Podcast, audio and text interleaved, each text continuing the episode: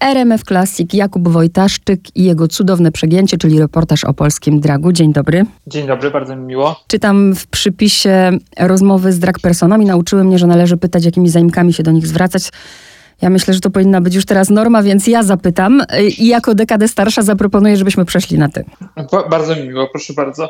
Od razu tutaj zdradzam, że zdarza mi się, bo też e, używam feminatywów i naprawdę mi się zdarza i co mnie Szokuje jeszcze bardziej, że piszą do mnie kobiety oburzone, co ja wyprawiam z językiem polskim, więc myślę, że jeszcze długa droga. No niestety, jest to, jest to proces. Tak, jest to proces, więc ja, ja tutaj mam małą misję. Po kolei i powolutku zakładam, że dla środowiska LGBT, Twoja książka, Cudowne Przegięcie, reportaż o polskim dragu, to nie dość, że jest radość, ale też jest e, jakby oczywistością. Chciałabym po prostu uporządkować, powiedzieć, co znaczą pewne rzeczy i naprawdę wyjść od prostych rzeczy, ponieważ zdarzyło mi się, że kiedy mówię na przykład LGBTQ, to ktoś mówi, a to ci, z akcentem na ci, no więc wyjaśnijmy, jacy ci. No tak, bo to jest e, oczywiście przez e, w, polskiej kulturze LGBT jest bardzo nacechowane przez niektórych negatywnie. I bardzo cierpię z tego powodu. No ale tak w gwoli ścis ścisłości. L, czyli e, lesbijki, gay, czyli geje, B, czyli biseksualne osoby, T, trans osoby, Q, czyli queer, to jest bardzo i plus, jeszcze do tego można dodać, to wszystko jest bardzo E, to, to Q jest, e, jest bardzo pojemne, ale tak jakby przyjęło się, że chyba najprościej LGBT i w tym plusie e, tam są jeszcze inne, inne osoby, ale może żeby słuchaczom i słuchaczkom nie mieszać to może skupmy się po prostu na tym naj, naj, najkrótszej wersji tego skrótowca. Mm -hmm. Ale powiedziałeś właśnie, że to Q jest bardzo pojemne, ale jeśli mówimy na przykład queerowy, czyli? Czyli na przykład będący poza jakimś takim binarnym spektrum, czyli poza kobietą, mężczyzną, nie przypisujący sobie żadnej płci na przykład. Pokolenie, z którego ja pochodzę, e, Boże, tak powiedziałam, jakbym miała 60 lat, nie, ja mam 44, mhm. ale rzeczywiście drag to dragi, dragi, prawda, narkotyki. Mhm. Y, też uporządkujmy, bo ja naprawdę rozmawiałam z ludźmi i nie mają pojęcia, mm, więc wyjaśnijmy drag, czyli? Czyli performance, e, czyli performowanie, występowanie na scenie najczęściej i performowanie płci odmiennej.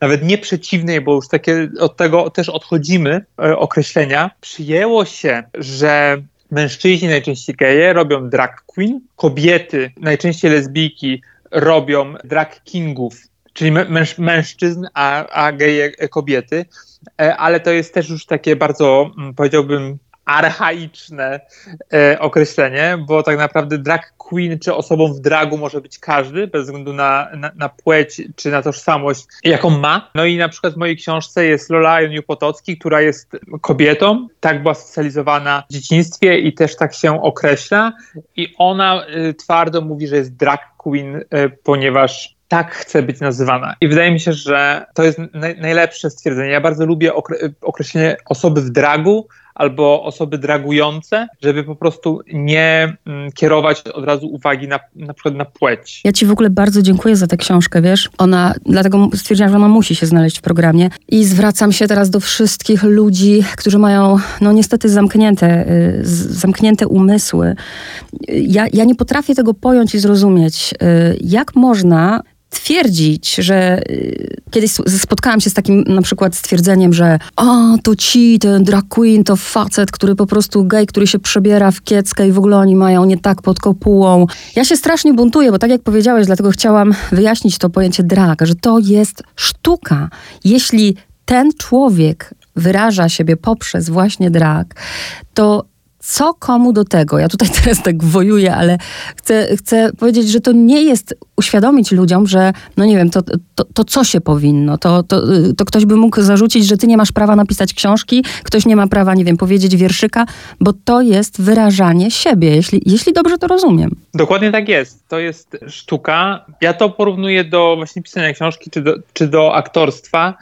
E, po prostu taki sposób wyrażania siebie, ale oczywiście w kulturze patriarchalnej, w której żyjemy, jeżeli taki stereotypowy gej przebiera się, czy mężczyzna przebiera się za kobietę, to jest y, od razu seksualizowane. Tym samym drag jest seksualizowany, jeżeli ktoś wychodzi na scenę przebrany za płeć odmienną, to od razu to jest jakieś zboczenie.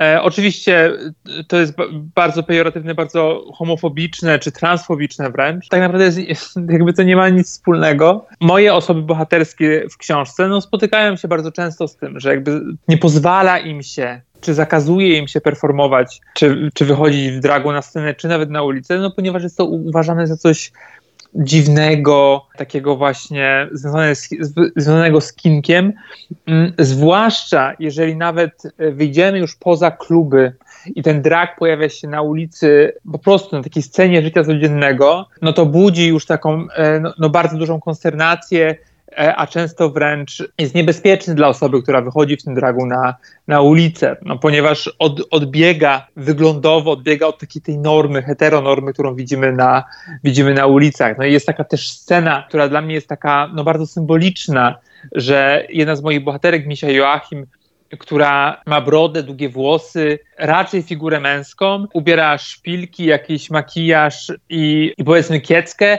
i wychodzi na ulicę i przedszkolanki zasłaniają oczy dzieciom, a ją wyzywają jakby na ulicy. Tylko dlatego, że po prostu odbiega od takiego, od tego, do czego się przyzwyczailiśmy, e, patrząc na nasze ulice. No bo oczywiście w klubie często właśnie w klubie LGBT, LGBT+, drag jest czymś, co już wrosło w tę kulturę i, i trudno się też dziwić, że na przykład drag queen wychodzi na scenę i rusza ustami do piosenki, czyli lip-singuje, a jeżeli to robi się właśnie na, na ulicy, no to jest już coś takiego no, niebezpiecznego, coś, co, co zagraża nam wszystkim, oczywiście w cudzysłowie, bo, bo odstaje od, y, od normy. Ja Ci też dziękuję. Podejrzewam, że taki był te, też Twój zamiar, bo tak jak powiedziałam na początku, że ci, którzy są ze środowiska, to dla nich jest to oczywiste. Ja Ci dziękuję za te przypisy, bo się też wiele nauczyłam z Twojej książki, dlatego namawiam naprawdę, żebyście ją przeczytali. I powiedz y, tak na razie ogólnie, kim są bohaterowie Twojej książki, jak do nich trafiłeś? Początkowo miał, miało być tak, że będzie to książka historyczna, to znaczy chciałem podzielić na dekady i każde dziesięciolecie opisać in, inną, innymi osobami. Bo tak naprawdę drag w Polsce no, sięga na pewno lat 90., a wcześniej no, to nie, był, nie, nie nazywał się drag, ale e, no, po, powiedzmy przybieranki. Ale bardzo szybko od tego odszedłem i zdecydowałem się na takie współczesne spojrzenie na drag i na takie ikony, które są obecne na scenie od dawien dawna. Czyli na przykład zaczynając od twojej starej, to jest taka osoba, którą znałem um, czyli Piotr Buźko, którego znałem osobiście, mamy wspólnych znajomych. To też była pierwsza osoba, którą, z którą robiłem wywiad dla portalu, z którym współpracuję. I dzięki niemu poznawałem kolejne osoby, mm, tak jak właśnie Lola Ajoniu Potocki czy, czy Graża Grzech. E, I starałem się przedstawić ten drag najbardziej inkluzywnie jak się da, czyli różnorodnie, żeby każdy znalazł swoją reprezentację tam, czyli nie mamy tylko właśnie drag queen, ale na przykład osoby, które są niebinarne, czyli, czyli pozostają poza spektrum płciowym, jak na przykład babcia i Wrona, które robią taki drag, który no nie jest stereotypowy, jest taki, czyli stereotypowy mam na myśli, że nie performują kobiety, tylko właśnie nie, nie wiemy na co patrzymy, czy to jest monstrum, czy to właśnie jest kobieta, czy mężczyzna gdzie to wszystko jest bardzo płynne i bardzo pomiędzy. Chciałem też, aby pojawiły się postaci, które tak silnie kojarzą się, jeżeli myślimy o dragu, no to od razu widzimy na przykład osoby, które naśladują celebrytów czy celebrytki, bo to też jest takie bardzo w kulturze właśnie LGBT-owej um, obecne. Dlatego jest rozdział poświęcony osobom, które właśnie naśladują te, ty, ty, tych celebrytów i to jest um, Jaga, która przez długi czas swojej kariery była impersonatorem Dody, czyli wokalistki zespołu Virgin i też z Dodą się ona przyjaźni, więc była tak, takim e, no, osobistym, czy takim namaszczonym przez Dodę naśladowcą. I podobnie Adelon, który rozpoczynał od udawania, to może, to może za dużo powiedziane, ale takiego właśnie impersonowania y, Adel, a później któregoś razu wyszedł jako Magda Gessler, no i zrobił furorę najpierw w Warszawie na ulicy, a później e, w klubach e, w całej Polsce. Chciałem również, żeby pokazać, że ten drag właśnie sięga lat 90., e, początku lat 2000 i jeszcze wcześniej,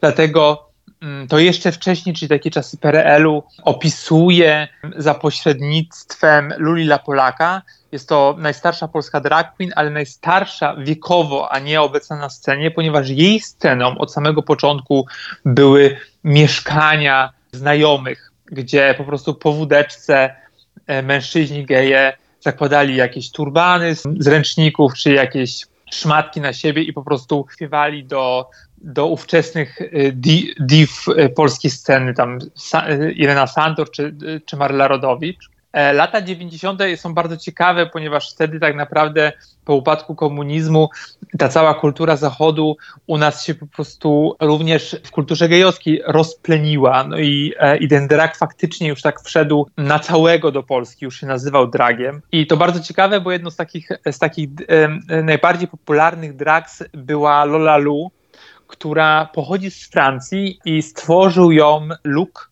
który przyjechał do Warszawy w 1995 roku uczyć języka angielskiego. No i zasmakował w dragu i zaczął śpiewać własnym głosem i po francusku, i po angielsku, i nauczył się jeszcze polskiego.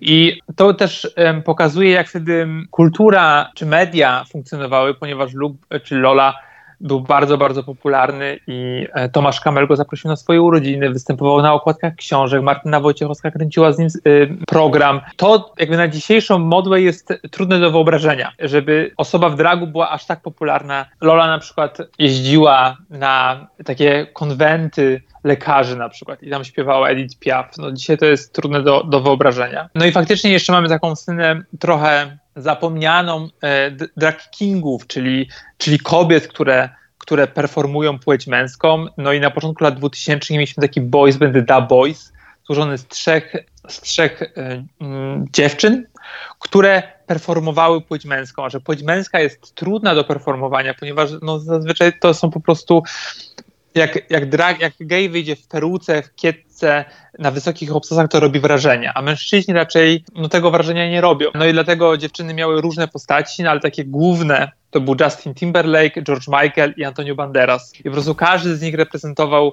inny rodzaj męskości ale oczywiście na, na, potrzeby występów wybierały też dziewczyny inne postaci. To było bardzo, bardzo ciekawe i dzisiaj drag kingowie trochę się różnią od tych takich, oczywiście nie zawsze, ale, ale zdarza się i to są bardziej taki, tacy drag queerowie, jak Max Regan Thatcher, który korzysta z elementów przypisanych do płci żeńskiej, do płci męskiej, po prostu miesza, czyli na przykład broda jest ułożona z kwiatów, albo jest tęczowa, albo brokatowa.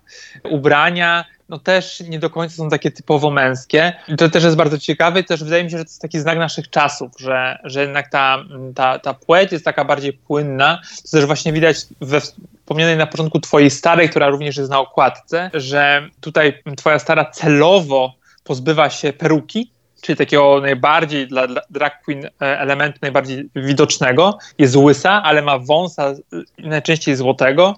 No i figura również jest no, bardziej, bardziej kobieca. Czyli to też jest takie załamanie, załamanie płciowe. Ale mamy na przykład Shady Lady, która jest taką, powiedziałbym, bardzo, bardzo klasyczną drag queen, peruka i, i, wielkie stroje, a do tego jeszcze takie zasmakowanie w komedii, bo, bo, bo Shady jest, e, prowadzi taki cykliczny show komediowe z innymi osobami w dragu po, po, i, i faktycznie gdzieś na tej scenie komediowej jest e, bardzo obecna. Czyli, czyli e, jak widzisz, no, ta reprezentacja jest bardzo szeroka i e, wydaje mi się, że to pokazuje no właśnie, że odchodzimy od takiego stereotypowego patrzenia na drag, że to jest właśnie tylko ten gej przebierający się za kobietę, ale ale to jest dużo głębsze, głębsze zjawisko. Mm-hmm. Niesamowita różnorodność.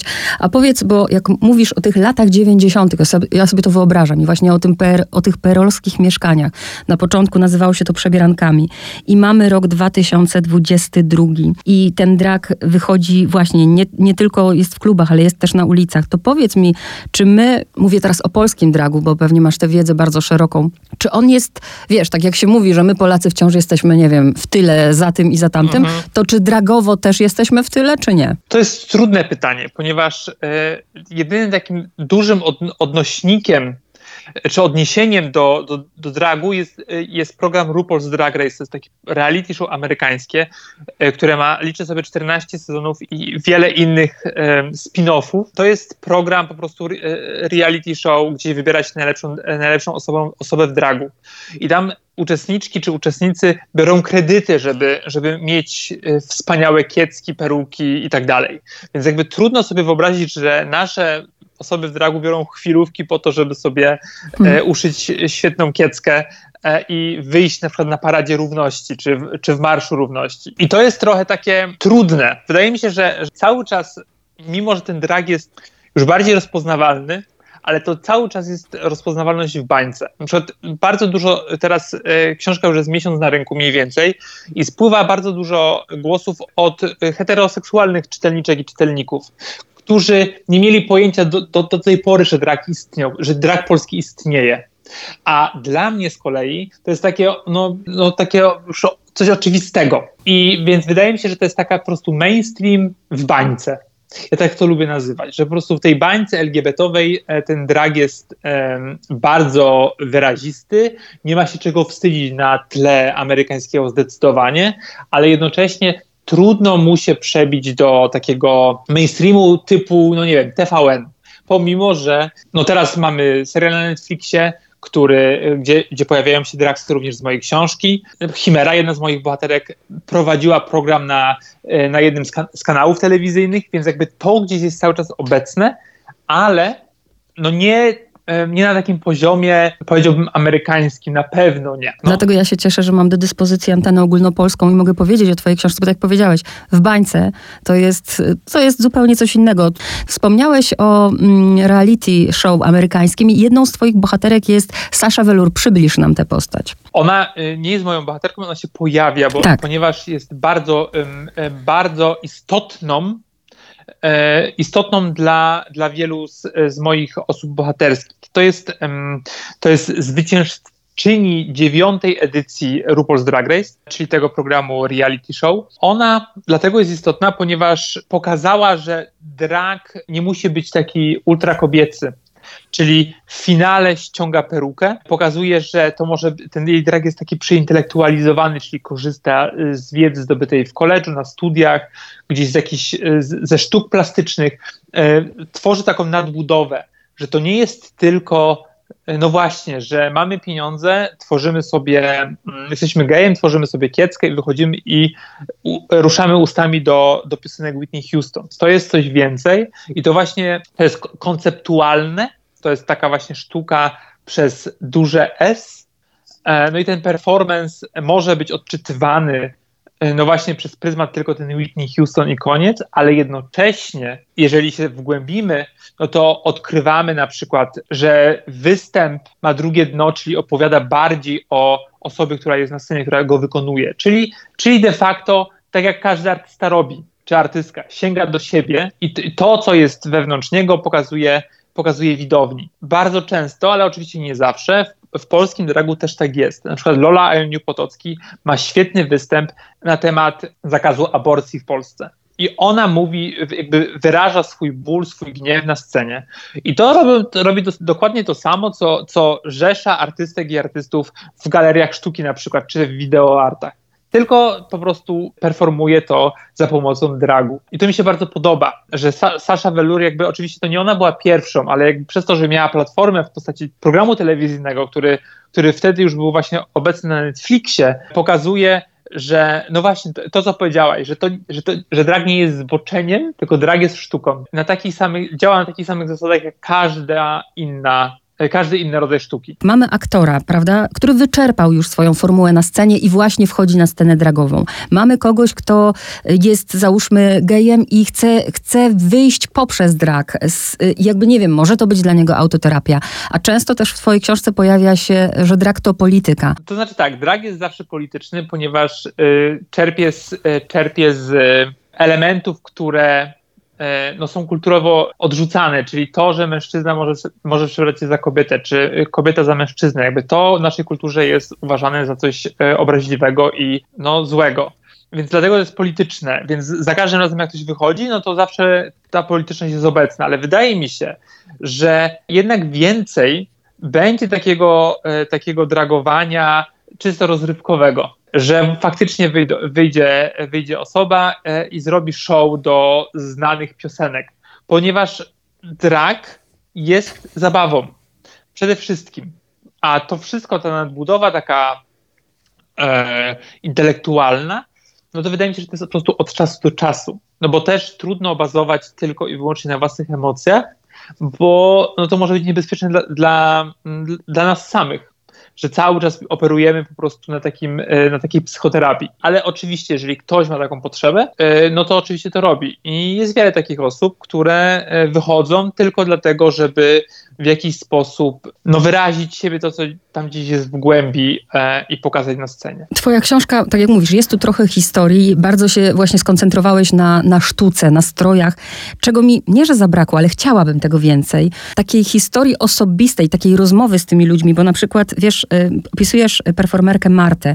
Ja doskonale pamiętam, jak, był, jak Conchita Wurst występowała w Eurowizji i doskonale pamiętam słowa osoby, która powiedziała, świat się skończył. Dla Marty to był właśnie jakby początek i też przypominam sobie zachowanie jej rodziców. I wiesz, chciałabym poznać tych ludzi, bo to są ludzie z małych miasteczek, z małych miejscowości, którzy muszą się z tym wszystkim chować i są bardzo, bardzo samotni. Dokładnie tak, jak mówisz, że e, faktycznie e, ten brak reprezentacji w mediach czy w telewizji nawet, no jest bardzo widoczny. I dopiero jak te osoby przyjeżdżają do dużego miasta i widzą, najczęściej do Warszawy czy Poznania, i widzą te, te osoby w dragu gdzieś w tej kulturze gejowskiej, to dopiero wtedy odżywają. No, e, Marta, czyli Max Regan Thatcher, widząc Conchitę Wurst, późno, bo w wieku lat 17, zorientowała się, że w ogóle coś takiego jak drag istnieje. E, no i stopniowo, stopniowo w niego wchodziła i dopiero na studiach tak naprawdę mm, zobaczyła, że to, no, że to może być, zrozumiała, że to może być również jej ekspresja. No ale na przykład jest taka osoba,